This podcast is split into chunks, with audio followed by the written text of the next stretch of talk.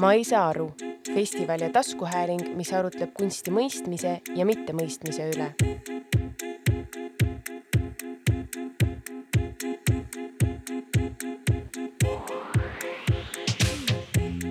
tere päevast!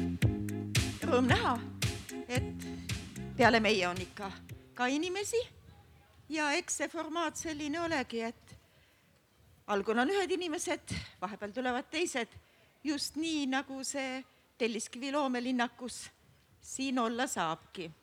et meie alustame nüüd siis vestlusringiga Mida monumenti ja enne kui jutu juurde läheme, siis tutvustame ennast. minu nimi on Reet Varblane, ma olen, mu taust on kunstiajaloolane, olen pikalt töötanud kultuurilehes Sirp kunstitoimetajana ja teinud kuraatoritööd, ka galeristitööd ja võib-olla muud sellist, mida siis üks kunstiajaloolased taustaga inimene tänapäeval meil teeb.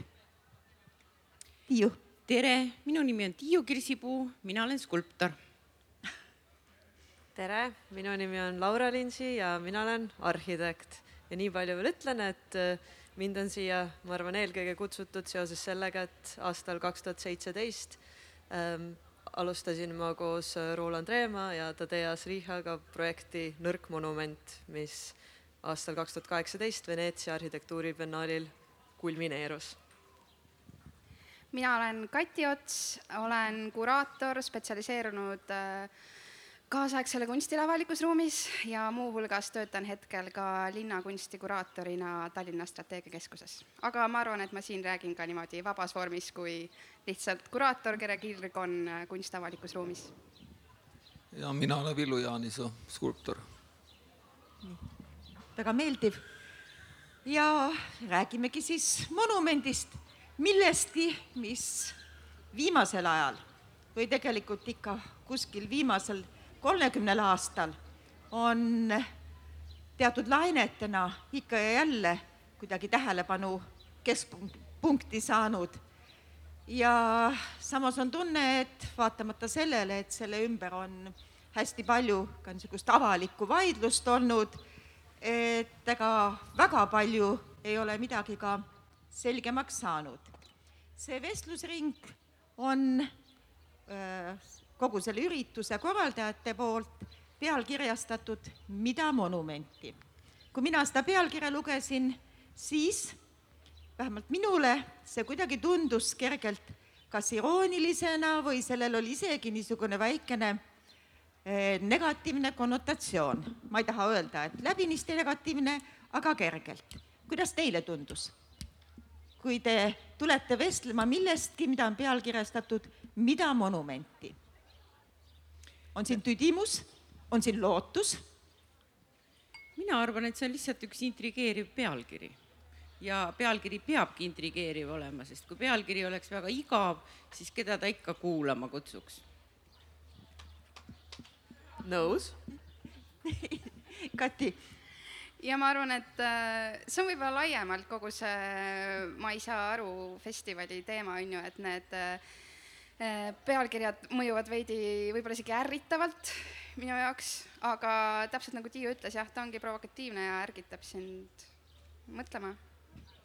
Villu? ma ei oska midagi öelda, jaa. okei okay,, aga lähemegi hea, siis. hea nimi ju, muidugi. just, aga lähemegi siis äh, monumendi juurde e,. noh, kui ma siin juba viitasin, et kuskilt viimased kolmkümmend aastat, ütleme eelkõige üheksakümnendate algusest, on see meil ju ka üksjagu tähelepanu all olnud, eelkõige mis siis puudutas Ida-Euroopat ja kogu seda ikonoklasmi ja ikonoklastilist liikumist, et võib-olla meil seda mõtestati natuke vähem Kesk-Euroopas, aga samuti ka Venemaa kontekstis natukene rohkem.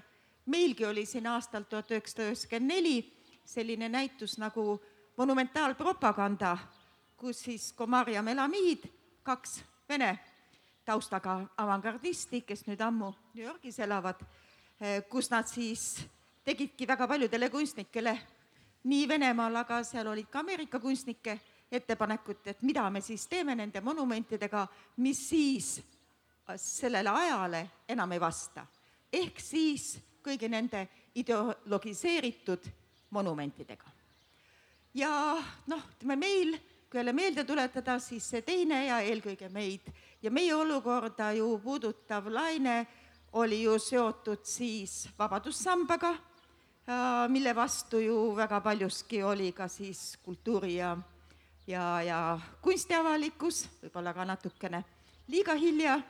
no siis vahepeal on lahvatanud ka mingisugused arutlused ka monumentide üle, võib-olla teatud või mõningate kunstnike niisuguste jaburate ide ideedega ja, ja võib-olla ka siis liialt ka siis linnavalitsusega seot-, seotuga, noh, me mõtleme kas või siis Tauno Kangro, tema selle hiiglasliku projekti peale, see Kalevipoeg seal siis ähm, Soome lahes ja nii edasi, või siis ka need väiksemad, aga võib-olla seda aks-, aktiivsemad vaidlused, kas või siis Viljandi Mati Karmini siis Jaak Joala monumendi peale.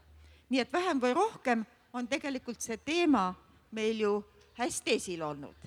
noh, veel üks tasand, mis nüüd otseselt võib-olla viimase, viimasel ajal nüüd uuesti ka meil on äh, päevakorda tulnud, on siis taas need ideologiseeritud monumendid, mida me nendega teeme, ka nendega, mis on siis seotud äh, matmisega ja mille kohta võiks ka öelda siis hauatähised. nii et ikka ja jälle oleme ju siis selle teema juures tagasi. minu niisugune väike soov oleks täna, et me siis lõpuks jõuaksime võib-olla sinna, et suudaksime markeerida siis mingisuguse mehhanismi, mis aitaks siis võib-olla mõtestada või viia ka sinna, et, et mis, mis ja kuidas saaks siis seda toredat, paneme siis sulgudesse, ideaalset monumenti siis praegult luua. ja milline siis see siis on ja kellele, kus see võiks siis olla. aga alustaks äkki siis monumendi kui sellise määratlemisega. mida siis monument teie jaoks tähendab? sinna juurde kohe kontekstina ka võib-olla see, et kui praegusel ajal, kus me räägime hästi palju hübriidmõistetest, hübriidvaldkondadest, kuidas üks ja teine, mis võib-olla aastasadu on väga kindlalt püsinud, on tegelikult praegu muutunud hästi liikuvaks ja, ja mille tähendus ei ole sugugi nii kindlalt piiritletud. kas monumendi mõistet üldse on mõistlik kasutada? Tiiu, palun ega need sõnad ei ole siin mitte midagi uut ja iseenesest sõna kui selline või nimetus ei määra ka mitte midagi. ma, mina ei suuda vahet teha, mis asi on täpselt monument või mis asi on mälestusmärk näiteks.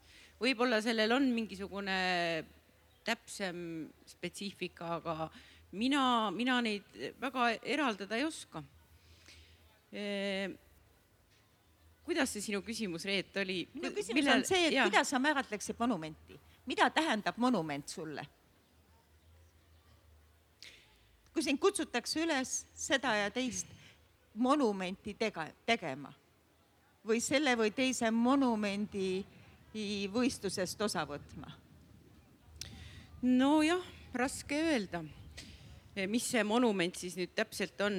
veel kord, see sõna iseenesest ei tähenda midagi kui mind kutsutaks kuskil osalema või miski asi kõnetaks mind, siis äh, on see tavaliselt juba tingimustega määratud. keegi on selle kallal kõvasti vaeva näinud. Äh, keegi on teinud ettepaneku, et, et äh, midagi selleteemalist, on see siis isikustatud või, või mitte isikustatud, kuskile teha. kellelgi on selle jaoks põhjendused, soovid, rahad olemas. et ähm, jah, see on, see on niisugune väga keeruline küsimus või, või ma ei oska sellele isegi täpsemalt vastata. põhimõtteliselt ei ole tähtis, mis ta on, tähtis on juba siis, kui on ta täpsemalt juba ära toodud mingisugused tingimused ähm,. ei, kindlasti on tähtis, mis ta on, ainult et ähm, seda praegu siin kokku võtta paari sõnaga väga keeruline. okei, Laura ähm,? Ma ei ole ka kindel, kas ma kokku oskan võtta, aga võib-olla praeguses ajas, mis mulle monumendi puhul ja just selle puhul, mida sa ütledki, et, et selle mõiste on muutunud nii laiaks, et mulle meeldib mõelda, et seda saabki käsitleda võimalusena. ja huvitav on jälgida, et mis siis on tänapäeval monumendid ja, ja sellisel, ma ütleks isegi, et, et ajal, mil sotsiaalmeedia kaudu ähm, algatatakse ähm, revolutsioone või, või käib äh, näiteks vastupanuliikumistes väga palju suhtlust just äh, läbi sotsiaalmeediakanalite ja läbi erinevate ähm, äppide, on huvitav näha, kuidas ka piltidest või mõnest sõnumist või millestki, mis pole sugugi traditsiooniliselt skulptuuriga seotud, äh, võib saada monument ja võib saada selline tähis mingisuguse liikumise jaoks. ja mulle tundub, et see lai, see, see laius sellel äh, mõistel on huvitav ja, ja saab olla väga kasulik äh, selle teema arutamiseks. Kati mm,? ma arvan, et äh, ühest küljest jah, me võime sellest mõelda, kui noh, see traditsiooniline definitsioon on, et noh, kunstiline objekt avalikus ruumis äh, mälestab mingit isikut või sündmust ja ma ei tea, kuivõrd meil on vaja või kui, kui viljakas vestlus on selle ümberdefineerimise koha pealt, et äh, mul on tunne, et ta, ta on ujuv niikuinii. Äh, kasvõi kui Tiiu tõi juba välja see monument versus mälestusmärk. täna oli teine diskussioon, kus räägiti skulptuur ja installatsioon. et need on sellised toredad mängud, aga mul on tunne, et äh, jah, või, või, või siis mul endal ei ole seda võttestikku, kuidas see, kuidas see võiks nagu viljakas olla, seda mm, jah, seda sõna ümber defineerida ja kas see on vajalik, et võib-olla see kõlab kuidagi ootamatult konservatiivsena minu suust, aga mul on tunne, et selle võib ka lihtsalt äh, rahule jätta. võib-olla on küsimus hoopis selles, et äh, see monumendi teema üleüldse saab avaliku ruumi kunstist rääkides minu hinnangul ebaproportsionaalselt palju tähelepanu, noh, hetkel on muidugi see maailma olukord, äh, mis ka seda on põhjustanud, aga, aga muidu üldiselt, et võib-olla me peaks rohkem rääkima lihtsalt ka teistest kunstivormidest äh, avalikus ruumis ja et see diskussioon ei keerleks niivõrd kogu aeg monumentide ümber. nii, Villu? jah äh, monument. jah, monument, skulptuuri äh, vanad ja traditsioonilised ülesanded olid siis kaunistamine ja millegi tähistamine või pühitsemine ja, ja, ja peaaegu niisugune, peaaegu nagu usuga seotud asi ja äh, see monu-, see on erinevates keeltes kuidagi erinev, et minu meelest see monument no mälestus, ta vist ladina keelest tuleb ikkagi, tal on see mälestus. monumentum. jah ja, ja, tal on ikkagi see, aga see tähendab, et ütleme inglise keeles er-, on väga selgelt see, et, et on monumendid ja avaliku ruumi kunst ja, ja, ja see ja monument on kuidagi see, mida siis peaks austama või, või mis, millegi vana tähistamine, mingi, ja see on natuke tõesti minu meelest ka natuke tüütu, tüütu selle, selle, selle ümber, et, et seda mõistet hakata kuidagi muutma. et see ei, et ma ei ole, ma, et, et kust see, kust see siis see avaliku ruumi kunst ja selle problemaatikad on minust palju huvitavamad kui see, et, et, et, et see, sa ütlesid, et üheksakümnendatel tekkis see, see, see liikumine, selle ümbermõtestamine, kõige huvitavam seal oli minu meelest, mis Balkanil toimus, kui nad oma vana, vanu monumente hakkasid üle, üle värvima ja ja siis äh, seal oli nagu osades äh, riikides oli päris põnevaid asju, kui nad hakkasid uusi monumente tegema, aga kuna ei olnud enam millele, siis Mickey Mouse'ile ja Michael Jacksonile ja valati pronksi ja värviti ära, need olid nagu päris nagu pöörased ettevõtmised. ja seal isegi minu meelest seal osad riigid solvusid väga, et nende sõjale pühendatud monumendid olid kirjuks värvitud ja, ja minu meelest see liikumine oli hästi huvitav mm. -hmm. mis meil praegu nüüd kõlama jäi, oli see, et et kui me räägime monumendist, siis kuidagi tahtmatult tuleb sisse, et me räägime skulptuurist või me räägime millestki, mis on seotud füüsilise materjaliga. meil peab olema objekt. kas me peame ennast piiritlema niisuguse materiaalse objektiga või saame rääkida monumendi puhul, paneme siis sellesama laia konteksti juurde, see on avaliku ruumi kunst. jah, eks ole. Muidugi võime monumendist rääkida ka ju märgatamalt kitsamal tasandil. igaüks võib ju monumendi oma aeda teha, oma koju teha, iseendale, veel kellelegi. või siis, kas siis on, kas sealt on, kas see monument on siis väiksem, suurem? kas monument, kas me piiritleme monumenti ikkagi ainult niisuguse füüsilise objektiga või võib sellele praegusel ajal või tegelikult paneme sulgudesse kuskil juba kolmkümmend, nelikümmend aastat ja rohkem äh, näha ka hoopis teisi meediumeid ja teisi väljundeid. nagu ma just enne ütlesin, see on üks sõna ainult ja sõna iseenesest ei piiritle mitte midagi. sõnale antakse tähendus teoga ja kõik sõltub nüüd sellest äh,, kuidas see nõndanimetatud monument, olgu ta milline iganes, on tellitud, on soovitud, on püsti pandud. monument võib olla ka midagi väga kaasaegset, väga modernistlikku näiteks, mis iganes materjalidest.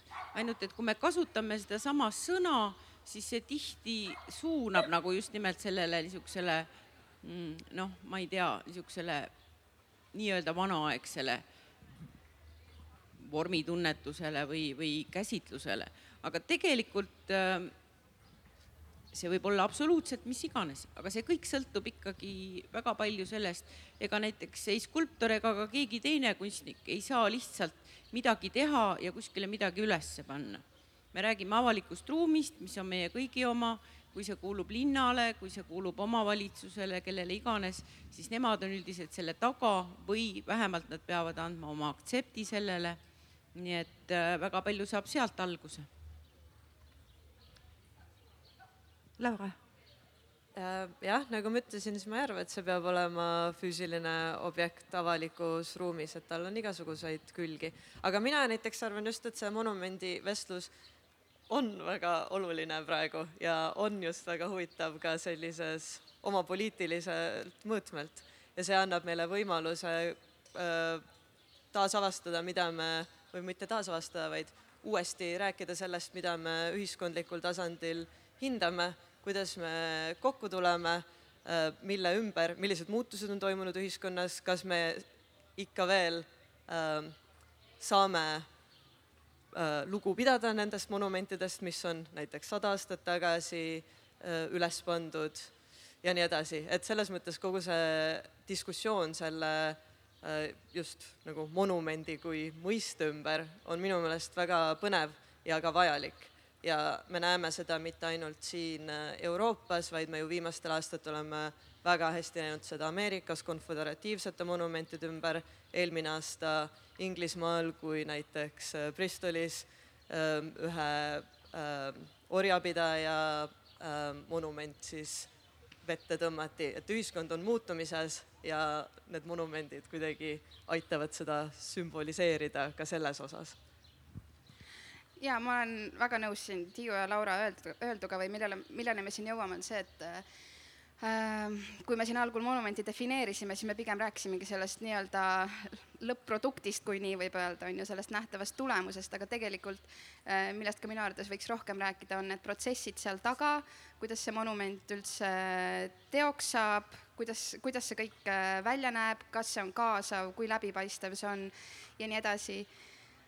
Ähm, ja siis ka see, et kuidas me, ma arvan, suhtume nendesse olemasolevatesse monumentidesse, ma arvan, see räägib meist ka väga palju, mitte ainult see, äh, kas ja kuidas ja kellele me neid uusi monumente tellime, vaid äh, kas me hoolitseme nende monumentide eest, mis meil juba on, et äh, selles osas ma ootaks palju rohkem seda tähelepanu fookust üldse või nagu arutelu ühiskonnas, et minu arust see ongi, see arutelu tekib siis, kui meil äh, on uute monumentidega mingisugused probleemid, need on enamasti negatiivselt laetud diskussioonid või midagi on ärritavat seal, aga, aga jah, tegelikult see nii-öelda nähtamatum osa või äh, see, mis ei ole nii-öelda tähevalguses, just see on see, mis peaks saama rohkem tähelepanu ah,. ja siis äh, Tiiu, kui sa mainisid seda avaliku ruumi aspekti ja et iga kunstnik ei saa või iga skulptor ei saa ise seda noh, ma ei tea, monumenti püsti panna, siis äh, mulle väga imponeeris siin see peidetud monumentide näitus, kus on välja toodud ka näiteks see Tobeduse monument on ju, mis ongi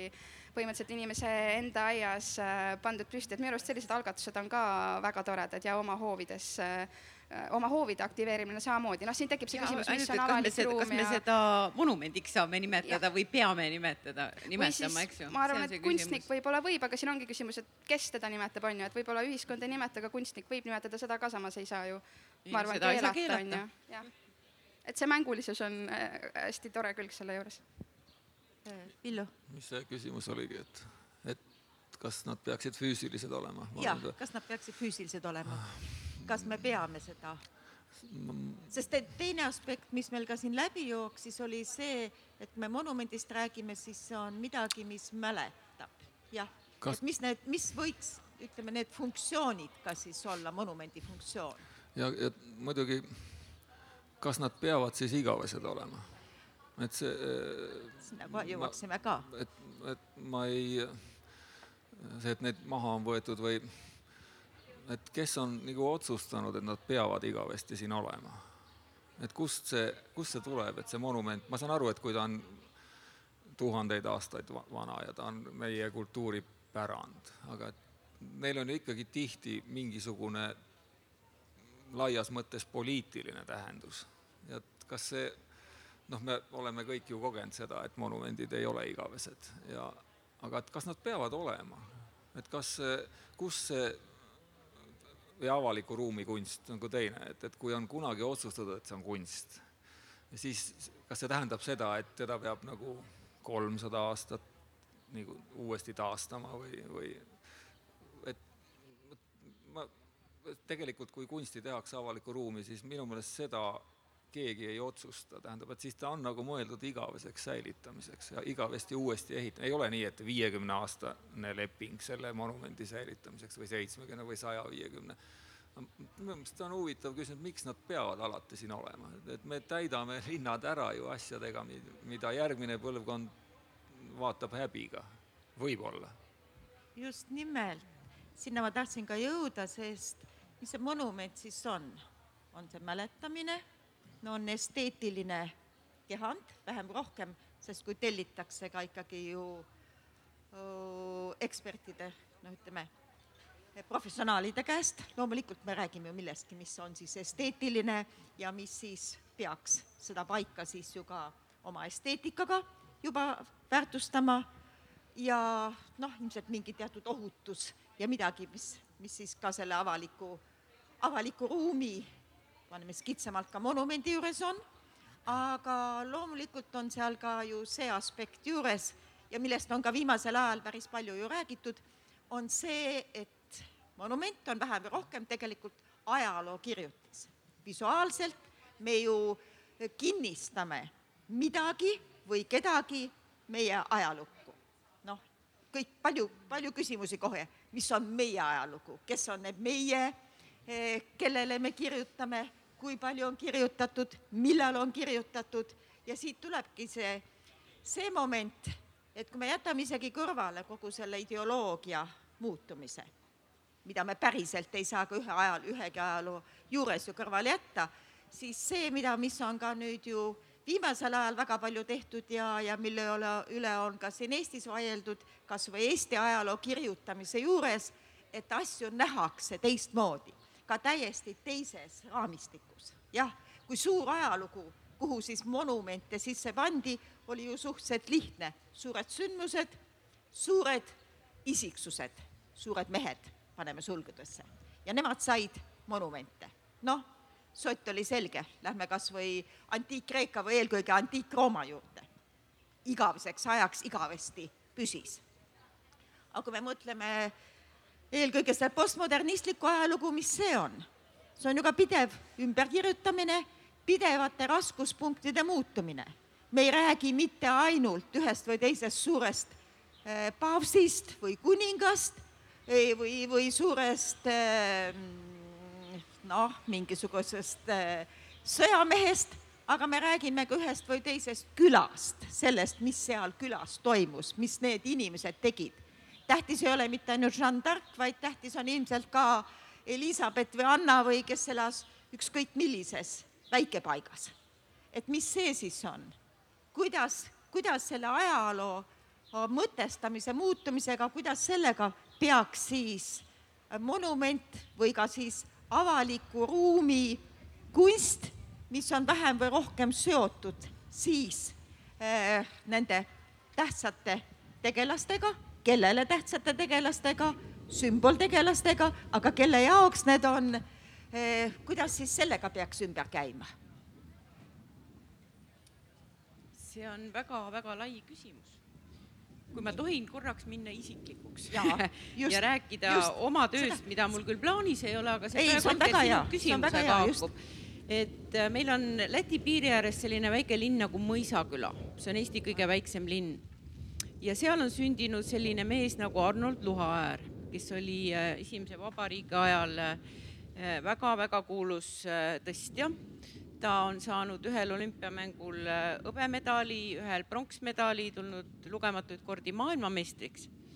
ja Mõisaküla linn pöördus minu poole üks kümmekond aastat tagasi, ma kavandasin sinna ühe mälestusmärgi Arnold Luha äärele, aga see ei saanud teoks lihtsalt sellepärast, et äh, nad ei saanud seda raha kokku ja nüüd äh, poolteist aastat, kaks aastat tagasi nad tulid uue ettepanekuga välja, et seesama asi ikkagi ära teha Eh, nad tahavad seda hirmsasti teha. Mõisaküla on väike, sealt ei ole pärit väga palju väga kuulsaid inimesi ja see on nende jaoks ülitähtis. see on minu jaoks tähtis ka, sellepärast et minu jaoks on see lihtsalt põnev töö ja ma väga loodan, et, et noh, nad jäävad rahule, see kõik tuleb tore välja. aga ma saan nendest väga hästi aru ma saan aru, et nad tahavad oma linna, oma väiksesse linna ka midagi ja neil on olnud üks selline kuulus inimene ja, ja, ja miks ka mitte miks me ei saa seda neile pahaks panna? Äh, aga, aga ma tahtsin veel teise punktina puudutada, mis mul meelde tuli sinu, sinu selle sissejuhatuse ajal. Äh, erakordselt meeldiv inimene, keda enam ei ole meie hulgas, väga andekas skulptor Mati Varik tema tegi ju nõukaajal hästi palju selliseid suuri kolossaalseid monumente, noh, Maarjamäe on siiamaani üleval, aga väga paljud nendest on ka maha võetud. Ja kunagi mõni aeg enne tema surma me sattusime kuskil kokku ja natukene juttu rääkima. ja see oli just see aeg, kus väga-väga äh, tõsised kriitikanooled näitasid tema peale, kõikidest nendest asjadest. Kirjutati, süüdistati teda kommunismimeelsuses ja nii edasi ja nii edasi. ja minul oli Mati Varikust erakordselt kahju sellepärast et mitte keegi nendest kirjutajatest ei maininud seda, et nad olid kõik omal ajal konkursid ja kõik need tolle põlvkonna skulptorid võtsid nendest konkurssidest osa. lihtsalt Mati Varik sattus neid võitma. absoluutselt kõik skulptorid, kes tollel ajal olid tegusad, võtsid nendest konkurssidest osa. lihtsalt kahju Laura. Mul tuli selle Mõisaküla äh, looga meelde, et, äh, et just paar nädalat tagasi ma lugesin äh, ühte väikest uudisenupu, uudisnupukest jällegi Inglismaalt, kus Margaret Thatcheri kodulinnas Põhja-Inglismaal pandi nüüd umbes kuu aega tagasi püsti tema mälestusmärk, mida siis ka kindlasti inglise keeles ei taheta monumendina, monumendiks nimetada aga see mälestusmärk on siis tema püst ja, ja kuna Margaret Thatcher olenemata oma, või noh, et Inglismaal on tal ju pigem kurikuulus roll ja, ja tema poliitilistesse otsustesse kindlasti vähemalt minu generatsioon suures osas su suhtub ikkagi väga kriitiliselt. võib-olla mitte ka ainult minu generatsioon, vaid, vaid ka need, kes tema ajal nende otsuste all kannatasid.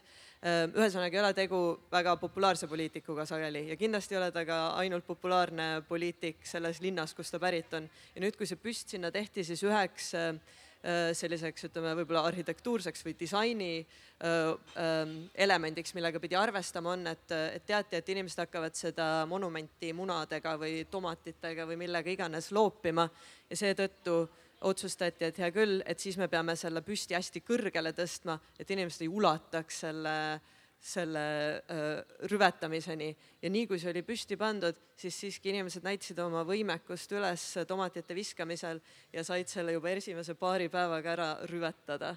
ja minu meelest see on väga huvitav osa nendest monumentidest, kus juba alguses teatakse tegelikult, et, et tegu on potentsiaalselt nii vastuolulise äh, sellise tähisega või märgisega, et siis peab seda ikkagi ka selliste ruumiliste meetmetega kuidagi äh, või neid peab siis arvesse võtma ja midagi tegema selleks, et ei hakataks seda näiteks rüvetama või et ei oleks seda kerge maha võtta ja nii edasi, et see on ka üks põnev osa.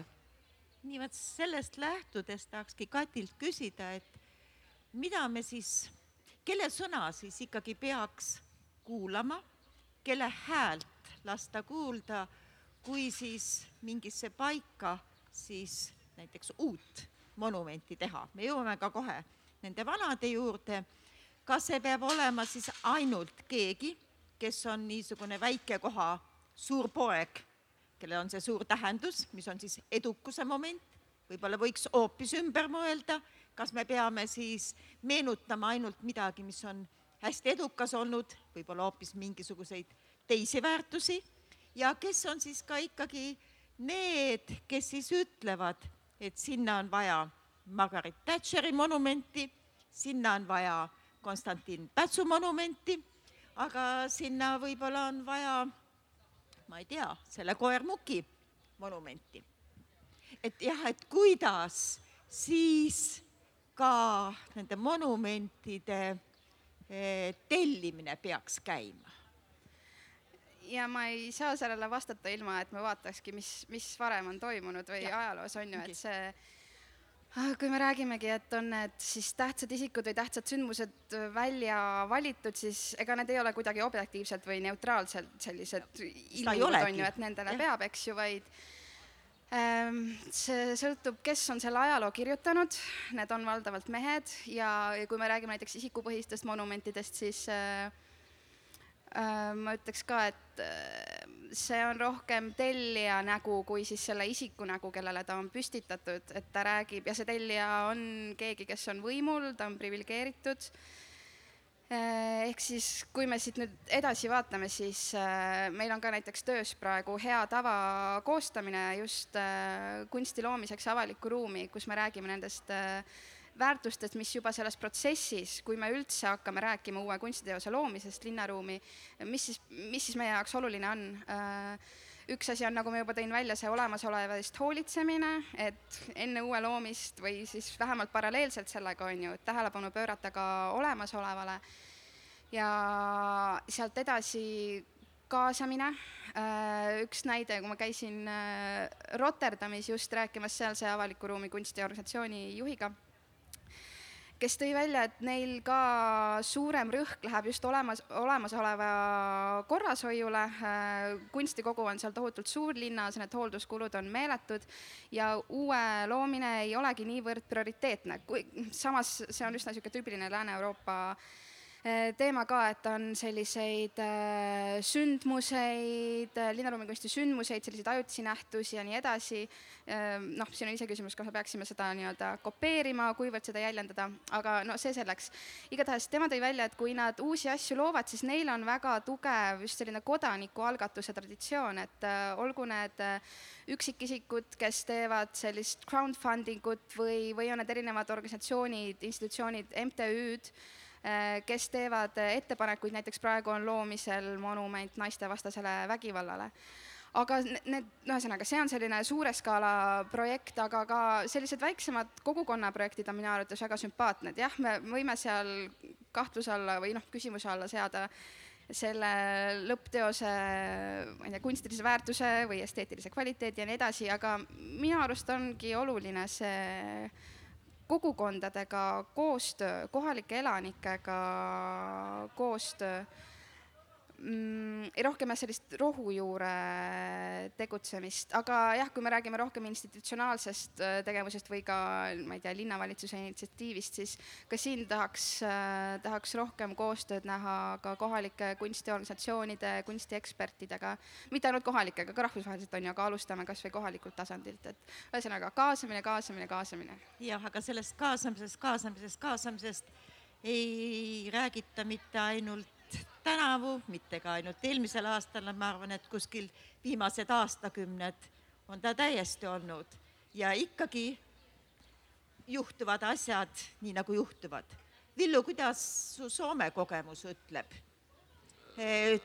monumentide, võime ka laiemalt öelda, teatud sündmuste, võib-olla inimestele pühendatud avaliku ruumi kunstiteoste tellimisega. Kuidas see süsteem seal käib? ma päris täpselt ei oska vastata, tähendab, tehakse küll inimestele pühendatud monumente. ta on ikka, ikka teinud, Mannerheimgi seisab ja. ja, ja, ja, äh, aga seda ma võin küll öelda, et Eesti ja, ja ütleme, Skandinaavia on väga erinevad mm. -hmm. ja, ja see on huvitav, miks, see on kuidagi ja seal on minu arust mit-, mitmed moodi erinevad, on, tähendab, ük-, võib-olla on ta sellega seotud, et monument on olnud pikka aega väga poliitiline.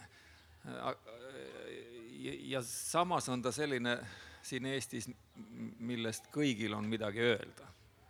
see on kuidagi põnev, näiteks kui on konkurss, no siin on olnud neid Pätsu ja, ja neid konkursse, siis äh, Äh, valitakse parim žürii, mis on vähegi võimalik ja, ja osavõtjaid on sadu. ja siis see žürii teeb otsuse. ja siis, siis järgneb selline suhteliselt äh, alati negatiivne on see, on see äh, tulem, et siis tulevad välja inimesed, kes ütlevad, et tegelikult noh, ega ta eriti hea ei olnudki ja, ja ja asjatundjad, kes ütlevad, et tegelikult ega ta ei esindagi mitte midagi eriti head ja, ja ma ei mõtle, et nad ei võiks seda öelda, sest nad, see on nende arvamus, aga kuidagi on nagu see ootus, minu, minu meelest on ajakirjandus katsub seda teha juba, et see on nagu vilets. Ja siis ma ise mõtlen, et mida siis, mida siis teha, et, et on need kunstnikud, et kas peaks siis näiteks Lätist tooma kunstnikud, kes teevad või et, et ei ole, see on ju ainuvõimalik ainuvõimalikud äh, on see tulem. et sellel tasemel, mil, millel see Eesti kunsti otsustajate rühm ja, ja kunstnikud, et, et sellel, see, see on see lõpptulemus, et ma, ma ei ütle, et peaks olema rahul kõigega, mis tuleb, aga, aga kuidagi minu meelest on siin juba e eos selline ootus, et tegelikult ei tulegi hea asi. Okay.. Reet, kas ma tohin Villule sekundeerida, mitte vastu vaielda, aga ja mina olen alati olnud veendumusel, et äh, lõpptulemus on žürii maitse. see on žürii otsus ja täpselt nii, ka Vabadussõja, Vabadussamba konkursil oli üle saja töö, mis osales. valiti välja see rist. Äh, kui keegi on minule öelnud, et see on Aaviksoo projekt, siis mina ütlen, et ma ei ole sellega nõus, sellepärast et see oli žürii otsus. žürii valis selle töö öelda, et seal mitte midagi muud ei olnud nagu paremat, nagu vahest on tehtud, minu meelest on täiesti absurdne. seal oli väga huvitavaid töid, väga kaasaegseid töid, väga põnevaid lahendusi, see oli žürii otsus mis, mis, mis teha? ei, loomulikult, aga ja, ja see on selge, lihtsalt järgmine kord parem žürii ei, see. parem, parem on ka ju nii subjektiivne ja suhteline, eks ole. aga, aga tähendab, et aga..., et noh, et, et meil, see on ainuvõimalik. see, see me. et mis on ainuvõimalik? see, see tulemus, kui žürii on valitud, hääletatud no ei ole ainuvõimalik. ma ei, ma ei ütle, et me peaks rahul olema, aga ma vähemalt noh, see on see, see on, see on see erinevus minu meelest Eestis, et et vähemalt seal ma, et, et Rootsis ka, et, et inimesed on, ma, ma ei ütleks, et nad uhked on nende tööde üle, mis tulevad, aga üldiselt see jäetakse nagu asjatundjatele, et, et seal ei ole inimestel nii, nii palju ja, Kati, öelda ja ma tahtsin kommenteerida äh, Soome siis ütleme avaliku ruumi kunstitellimise poliitikat, et äh, üldiselt seal on ju äh, kui meil on siis selle ametikoha nimetus linnakunsti kuraator, siis seal vastav positsioon on äh, kunstimuuseumide juures erinevates linnades on ju, ja Helsingis äh, samamoodi. Äh, ma arvan, et see on üpris oluline vahe. see annab ka teatava vabaduse, et üks asi on see žürii küsimus, mis te välja tõite. mina näen ka ikkagi seda vastutust, kui ma ise ka puutun kokku mingite võistlustingimuste kirjutamisega, on ju, et ka on need sammud, mis juba enne tuleb Äh, väga hästi läbi mõelda ja see on väga oluline eeltöö, aga ka see, et meil on ju äh, kõige levinum see avaliku konkursi formaat. Äh, ja seda, ma ei tea, Soomes ma ei oska öelda, kui suure osa see nüüd kõikidest nendest võistlustest äh, moodustab, aga neil on oluliselt, äh, mis on oluliselt rohkem, ühesõnaga neil on väga palju ka kutsutud konkursse, neil on ka otsetellimusi. mul on tunne, et need formaadid vajavad meil ka rohkem tähelepanu, ühesõnaga leiutada viisid, kuidas meie saaks ka neid rakendada et sellist variatiivsust oleks, oleks rohkem ja ka kunstnike hoidmist ja ühesõnaga, siin on palju punkte. ühe ma võin öelda, žüriide puhul on nii, et äh, see on vist mingisugune laiem otsus riigilaiuselt, et kui, et kunstiasjatundjatel on äh, vetoõigus. kuigi, kuigi nad ei ole alati enamuses Äh, osa, osaliselt on need üle viiekümne protsendi peaks olema. see käib Soome kohta, jah? jah, jah, aga, aga kui nad on ühte meelt, siis nad võivad ära nullida mingeid asju. -hmm. ja ühe kiire remargi tahtsin veel öelda Helsingi kohta, et neil on selline äh, Äh, mitte küll kirja pandud, aga hea tava, äh, et äh, Helsingi linn ei rahasta isikupõhiste monumentide loomist. ainus erand on siis presidentide monumendid, aga seal panustavad ka riik ja ühesõnaga teised instantsid, aga jah, neil on näiteks selline põhimõte. okei okay aga nüüd tekibki see küsimus, et kui me järjest rohkem räägime kodanikuühiskonnast, jah, see, mis praegu sai markeeritud, on siis avaliku ruumi kunst, mille taga on siis kas linn ehk siis kohalik omavalitsus või ka siis riik, mis on suur. aga me järjest enam oleme ikkagi ju kodanikuühiskonna poole liikumas või vähemalt tahame. et kas siis ei peaks meil ka väga selgelt ka väljas olema kas see tasand, mis puudutabki siis kogukondi ja kodanik, kodanikke ja, ja seda algatust.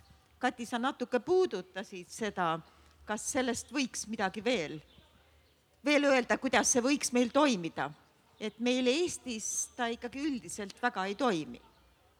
kuigi ütleme, nii palju võib öelda, et kui näiteks kuskil kakskümmend aastat tagasi või viisteist aastat tagasi peeti niisuguseid isehakanud monumente, võib-olla veidrusteks ja, ja pigem vaadati neile ka esteetilises mõttes negatiivselt, siis nüüd on ka sellest hakatud rääkima positiivses võtmes.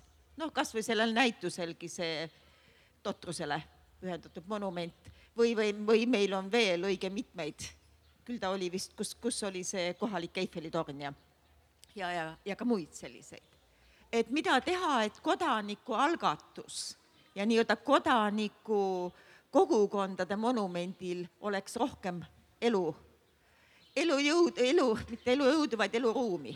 Laura, mis sa arvad ähm,? ma arvan, et, et kodanikuühiskond ja, ja selline niiviisi avaliku ruumiga suhestumine oma kõige huvitavamal kujul ei avaldugi üldse traditsioonilises monumendis, et see, mida me, ma arvan, kuidas me näeme, et Eesti äh, kodanikuühiskond äh, või ütleme, selline oma avalikust ruumist hoolimine, äh, et kuidas ma näen, et see Eestis toimub, on pigem avalike ruumiprojektide kaudu. Ja, ja ma ütleks, et näiteks selle sama nõrga monumendi projekti raames, mida ma ennist mainisin, mida me kahe tuhande seitsmeteistkümnendal aastal alustasime, et seal oligi just äh, see nõrk monument käiski selliste projektide kohta. Ja et ma näiteks arvan, et Tallinnas Soo tänava ümbertegemine, kui ei olnud linn sugugi veel ei kaasanud kogukonda ja oli hoopis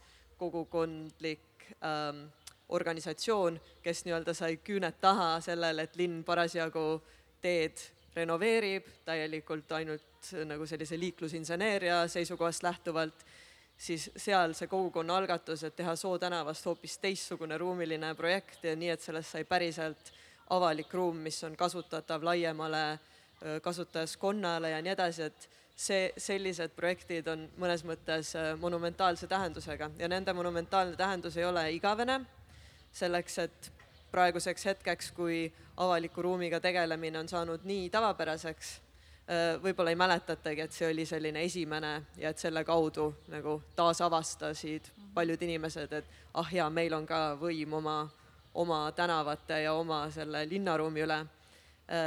aga, aga nendel hetkedel on need väga olulised projektid ja minu meelest see on kõige muljetavaldavam viis. mis see on, see on monument meile endile, monument meie ajale, meie enda soovile. võib nii öelda?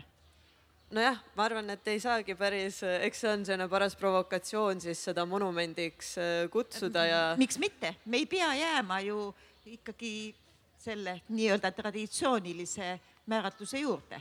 nõus, ei pea Jah. ja jah, et, et sellisel viisil võib seda ilmselt välja tuua küll.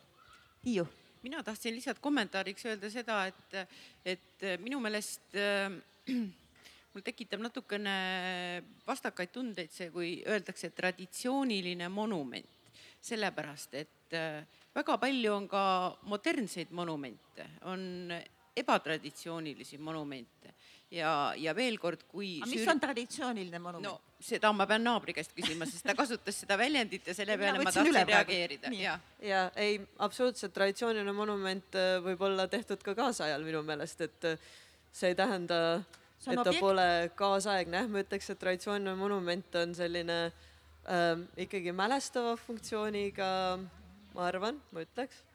Ähm, kas, kas funktsioon teeb tast traditsioonilise või? Ma arvan, et temast traditsioonilise teeb tema funktsioonitus, et tema ainus funktsioon ongi olla äh, poliitiline, mälestav, see on linnaruumi piiritlev ja oma ümbritseva ruumiga suhestuv.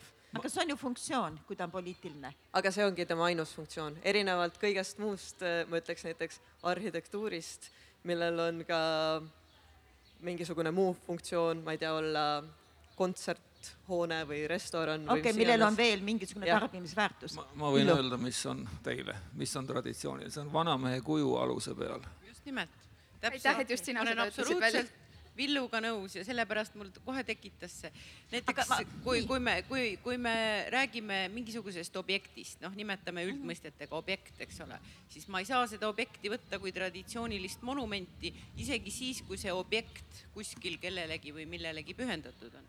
Et minu meelest on siin natukene, tuleks neid ähm, äh, noh, ühesõnaga seda skaalat natukene timmida kui me nüüd selle juurde läheme, et meil on üksjagu olemas nii traditsioonilisi monumente, meil on vanamehe kuju kuskil posti peal või istub. noh, see on nüüd natuke irooniliselt öeldud, on ka, on ka hoopis teises võtmes monumente loodud, siis kas me vajame juurde sest Kati käis enne välja, et võib-olla me peaksime praeguses seisus mõtlema eelkõige selle peale, mis meil on olemas. ja kui me vajame juurde, sest meie aeg on natuke teine või palju teine, kui ta oli kolmkümmend aastat tagasi, kui ta oli viiskümmend või kui ta oli sada aastat tagasi, siis mida me vajame siis praeguse aegseks monumendiks või mida teie tahaksite praegusesse linnaruumi? Tallinnas, Helsingis, Tartus, Mõisakülas, ma ei tea, kus. Hiiu. mina tahaksin eelkõige sellist kaasaegset modernset skulptuuri, mis võib-olla ei ole monument, aga mis võib olla ka näiteks väga suur. ja ma olen alati toonud, kui sellel teemal läheb vestluseks Hollandi näite, mis on minu meelest lihtsalt imeline, kuidas seal on nii linnades kui ka väikestes külades, noh, seal üks linn lõpeb, teine algab enam-vähem, kui on täiesti fantastilisi selliseid eh, suuri, uhkeid, kaasaegseid ähm, skulptuure, installatsioone, objekte, vahet ei ole, need on, need on niivõrd vahvad, aga minu meelest äh, kuskil see tõde on ikkagi seal kahe vahepeal. et öelda nüüd, et meil mitte kellelegi mitte kunagi mitte midagi vaja ei ole, et see oleks ka ikka vale. et enam kuskil- vaja ei ole. jah, et kuskil peab see balanss olema lihtsalt, et ei oleks ainult neid, et oleks ka midagi muud sinna kõrvale, ma arvan Laura, mina olen sellega ikka nõus, et äh, minu meelest oleks ka väga äge, kui meil oleks suuri installatsioone ja skulptuure rohkem linnaruumis. millega ma võib-olla ei ole nõus, on, et need ei ole, või tähendab, see ei ole võib-olla nõusolekuga seotud, aga et ma arvan, et need ei pruugi olla monumendid ei, ma ei rääkinudki monumentidest Mhm, Just, ma ei rääkinud et- monumentidest, ma ütlesin, et, et. Seda võiks olla. jaa, just nimelt. jah, ja sellega ma olen nõus, aga kui ma mõtlen monumentidele, et kas neid võiks meil veel olla, siis mul on tunne, et võiks rohkem pigem olla märkamist äh, äh, sellistele, ma ei tea, kas ruumidele või ka miks mitte objektidele, mis on juba ajalooliselt äh, olulised olnud ja nende väljatoomist ja ühe näitena ja ma ei tea, kas see ennetab äh, sinu küsimust, aga kui mõelda äh, oma lemmikmonumentidele Tallinnas, siis minu meelest on väga muljetavaldav äh, ja monumentaalne objekt Hirve pargi trepid Tallinnas, mis kunagi ju ei ole sugugi monumendina loodud, vaid on Herbert Johansoni Hirve pargi projekti raames ehitatud kolmekümnendatel, kui ma ei eksi, kuid siis sellest äh, loomulikult sai väga oluline koht Eesti taasiseseisvumise protsessis ja, ja seal on noh, seda on iseenesest ka huvitav analüüsida, miks ja, ja kuidas see just seal juhtus, et Toompea jalamil ja need kõrgusvahed, mis võimaldasid kõnesid pidada, rahval koguneda ja nii edasi, et see ruum on tänapäevaks ära märgatud ja ära märgistatud. see on vägev monument minu meelest. kas see on päris niisugune sümptomaatiline, mis praegult välja tuli, et kui ühelt poolt me tahame seda monumenti ikkagi laiemalt näha, et kuidagi, et see, mis see monument on olnud ja ta on siis kitsas piires, et ei, ei, see ei pea praegult sugugi nii olema, aga kui hakkame sellest rääkima, siis hea meelega ikkagi säilitame selle äh, varajase arusaama ja öelda ja, ja ütleme, et ei, see ei pea üldse monument olema. aga miks me ei või rääkida neist treppidest kui monumendist ja eelkõige ka, ka mäletamise või meenutamise kontekstis ja, ja just nimelt selles loomulikus kontekstis, nii nagu need sündmused olid siis kaheksakümnendate lõpul, noh, nii nagu Hirve pargis ju kõik algas. kas on vaja mingitele olemasolevatele sümboli tähendusega kohtadele ja sealt kohast välja toodud detailidele, kas on vaja midagi veel lisada, et nad oleksid tõeliselt väärtuslikud monumendid? no nii nagu Laura tõi praegult välja Hirve pargi trepid. kas Hirve pargi trepile oleks vaja veel midagi juurde, et me võiks rõõmsalt ja julgelt öelda, ohoo, vaat nüüd meil on üks õige meie oma monument. või aitab sellest, et meil on see trepp ja meil on see teadmine mis sa, Villu, arvad? ma ei oska öelda. ma, minu meelest see on. kas oleks vaja midagi veel juurde? mu meelest see on, mu meelest see on õudselt, ma lähen vaatama neid treppe uuesti, kui pärast seda, et kuidas nad on. minu, ma arvan, et sellist tundlikku äh,, tundlikku avatud suhtumist meie linna, et kus sa märkad uusi asju ja vanu asju ja, ja ne, nende tähendust, see on tegelikult midagi, mida meil on vaja äh, kõigil ja, ja, ja kunstnikel, et see on selline juures või siin olemine avatuna ja, ja asjade märkamine. see on, nüüd läheb asi, nüüd läheb hästi keeruliseks, aga tähendab, see on midagi, see on midagi kaasaegset, seotud kaasaegse kunstiga, kui, kui Tiiu ütles, et peaks olema modernseid äh, teoseid, nii ma, ma päris täpselt ei tea, mis need on kas need on kuidagi modernismiga seotud, aga see. Need on modernse vormikeelega, Villu. ma ta-. Need ei ole pead, pead posti otsas. olgu, aga tähendab see, selles on midagi minu meelest nii huvitavat selles, nendes treppides ja selles mõttes, et kui, et, et minu meelest siin on see pää, pääsetee. see on midagi kaasaegset, et, et, et kunstnik läheb ja ta, ja ta ei, sest see, kui ta kui kunstnik mingist plokist välja tahub midagi, siis ta on mõnes mõttes ju selle keskkonna vastu. ta, ta, see on ju vägivald, vägivaldne akt raiuda millegist, mingist materjalist välja. Aga, või manada sealt midagi ja, välja, nagu tegid antiikskulptorid. aga see, aga see, mida ta ütles, see, see olemasolev trepp ja sa näed seda ja selles on midagi nii palju tundlikumat ja huvitavat, et ma, ma hääletaks selle poolt, sellise monumendi poolt. Kati, sa oled mitu korda viidanud siin, et me peaks rohkem mõtlema olemasolevate peale. kas see variant, mida Laura välja käis ja, ja millest nüüd praegu juttu oli, on ta siis selle trepi näol, aga ilmselt me leiame ju igas linnaruumis neid tähenduslikke kohti, mida ei ole kunstlikult väärtustatud. kas me nendest võiks rääkida kui praeguse aja monumentidest? kui selle monumendi juures on siis eh, meenutamine, esteetiline vorm, noh, ma ei tea, midagi veel ja vot jälle jõuame selle kõige esimese küsimuseni minu arust tagasi, et kas kas meil on vaja seda monumendi silti siin panna, et minu arust jah, kui me juba räägime, et tal on see sümbolväärtus, tal on see tähenduslikkus, kas tal on just vajadus tingimata selle monumendi sildi järele? kas me üldse vajame mingit... monumente praegult?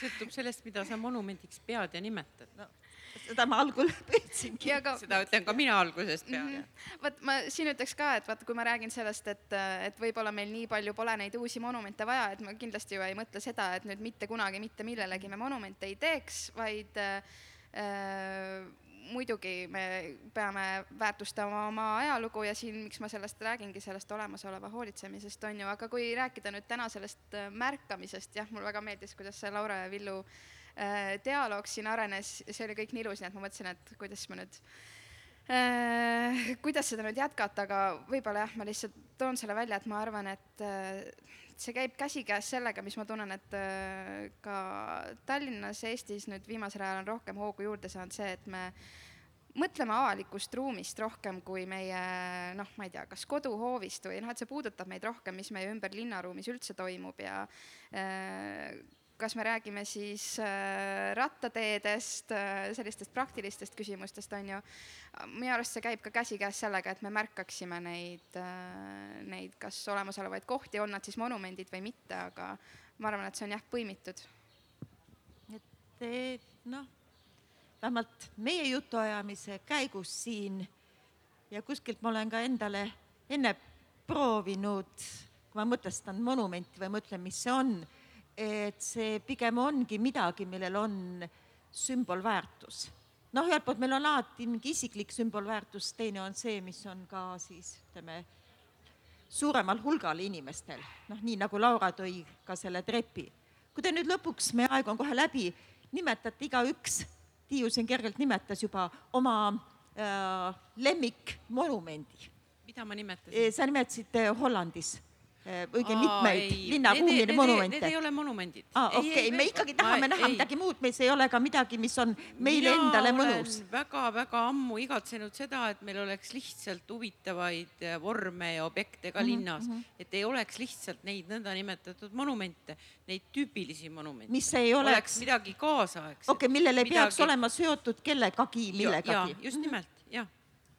Laura no, lemmikmonument juba... viimasest ajast, trepid oli üks. Ühe sain ära mainida, aga teine lemmik on äh, Leonhard Taapeni monument Anti Internatsionaalile, mis on äh, jäänud küll paberile ja seda pole valmis ehitatud, aga see on äh, selline teos, et mis on antiteesina siis ähm, joonistatud üles Tatlini tornile, mis oli tohutu kõrge, pidi tulema kolmesaja meetri kõrgune selline struktuur, mis, kus sees on siis kommunistliku partei ähm, äh, kontor. keskkomitee oli seal. ahah, mhm. jah. jah, jah, ja poliitbüroo ja... oli seal, keskkomitee oli vist südame kohal ja poliitbüroo oli see, peas. ja see spiraalina kasvas ja seitsmekümnendate alguses siis joonistas Leonhard Lapin üles monumendi antiinternatsionaalile ja see oli puust selline äh, kokku klopsitud eeslitall Äh, tema sõbra Valdur Ohaka päriselt olemas olnud eeslile?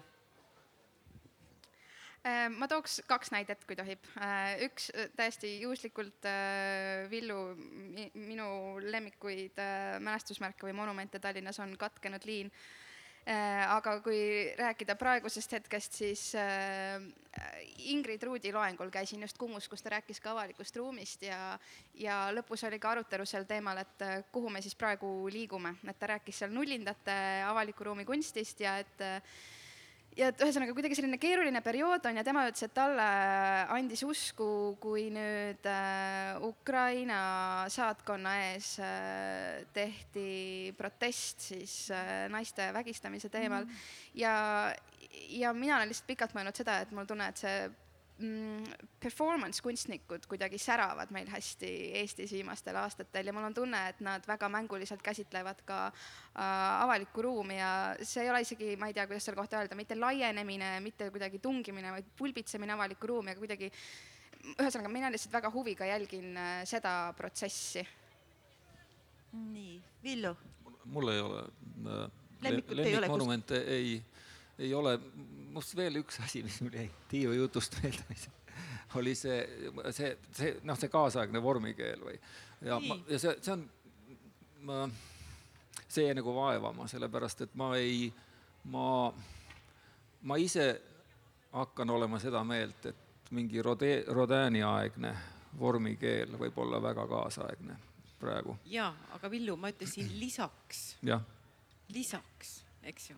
see, see ei välista absoluutselt neid teisi niisuguse klassikalise vormikeelega asju, mhm. aga kui on ainult need, siis tahaks midagi lihtsalt niisugust vahvat, nii nagu on ka Pariisis või Prantsusmaal hästi palju.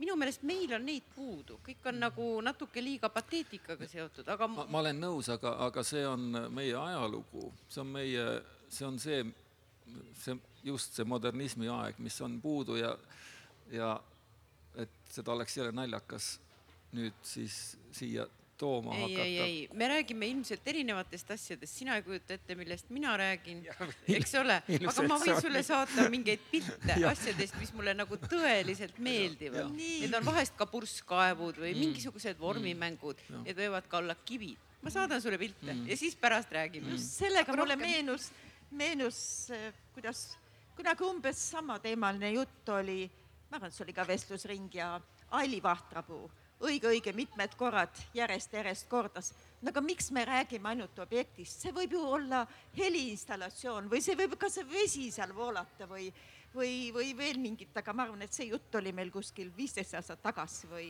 ja nii edasi ja nii edasi. aga igal juhul aitäh ja mille üle mul on hea meel.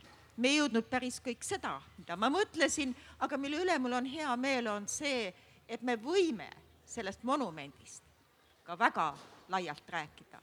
et kui monumendi üks põhiline funktsioon loomulikult on esteetika, teine on ikkagi see meenutamine, siis juba need sümboldetailid, mis meil on olemas, on ta siis detail või paik või paigast siis mingisugune kitsam asi, siis need on monumendid ja vaat neid, kui me saaksime ka kuidagi väärtustada. ma ei tea, kuidas ma ei, ma ei leia, et me peaks sildi sinna panema ja ütlema, et see ongi nüüd ja tulge siia ja kummardage seda. jumala pärast mitte, aga, aga vähemalt kui me saaksime üldisesse teadvusesse ka tuua seda, et monument ei pea olema ainult ühele suurele mehele mingisugune, on ta siis postamendi peal keegi või pea või, või ükskõik mis. et et, et see on ka juba suur asi igal juhul, aitäh.